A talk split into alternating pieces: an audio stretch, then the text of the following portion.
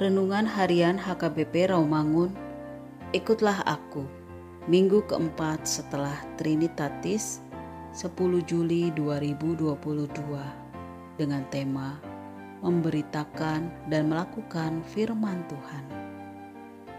Bacaan epistel kita hari ini dari Kolose pasal 1 ayat 1 sampai 14 dan bacaan evangelium kita hari ini dari Ulangan pasal 30 ayat 11 sampai 14 yang berbunyi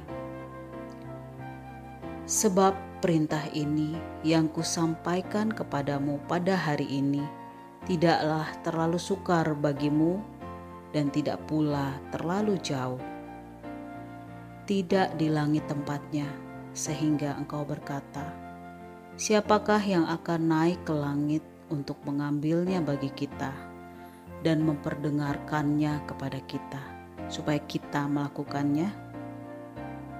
Juga tidak di seberang laut tempatnya, sehingga engkau berkata, Siapakah yang akan menyeberang ke seberang laut untuk mengambilnya bagi kita dan memperdengarkannya kepada kita, supaya kita melakukannya?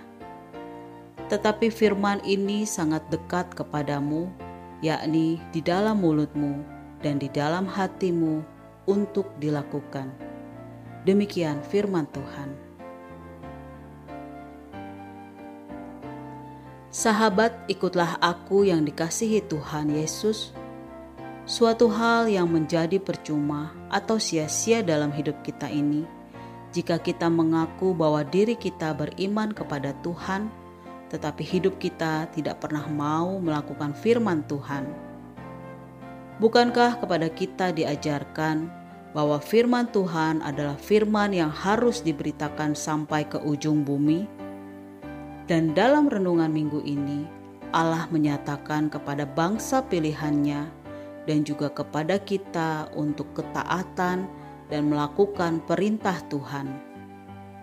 Allah menyatakan bahwa bukanlah sesuatu yang mustahil untuk melakukan firman-Nya atau firman itu terlalu sukar untuk dilaksanakan. Perkataan yang mengatakan tidak di langit tempatnya memberitahukan bahwa perintah itu adalah sesuatu yang dapat diakses oleh mereka kapan saja dan di mana saja. Memberitahukan bahwa firman Tuhan itu bukanlah sesuatu yang tersembunyi di langit atau sesuatu yang menjadi misteri. Firman dan hukum Tuhan itu telah disampaikan kepada mereka. Apakah di Gunung Sinai yang mana Allah sendiri turun menjumpai mereka dan menyatakan isi hatinya, ataupun melalui para nabi? Sedangkan perkataan yang mengatakan tidak di seberang laut tempatnya menunjukkan bahwa perintah Tuhan itu bukanlah sesuatu yang tidak realistis dan tidak dapat dilakukan. Jika tidak ada alasan bagi siapa pun untuk berkata bahwa dia tidak tahu atau tidak mampu untuk melakukan firman Tuhan, tetapi kuasa Roh Kuduslah yang akan memampukan kita guna melakukan firman-Nya ketika kita membuka hati kita dan berkomitmen dengan sungguh-sungguh di hadapan Tuhan, maka Dia akan memberikan Roh Kudus sebagai penolong yang akan memampukan kita untuk dapat melakukan firman-Nya di hidup kita. Amin. Marilah kita berdoa.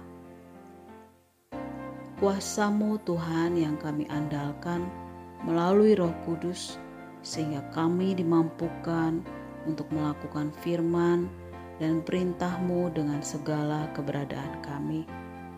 Amin.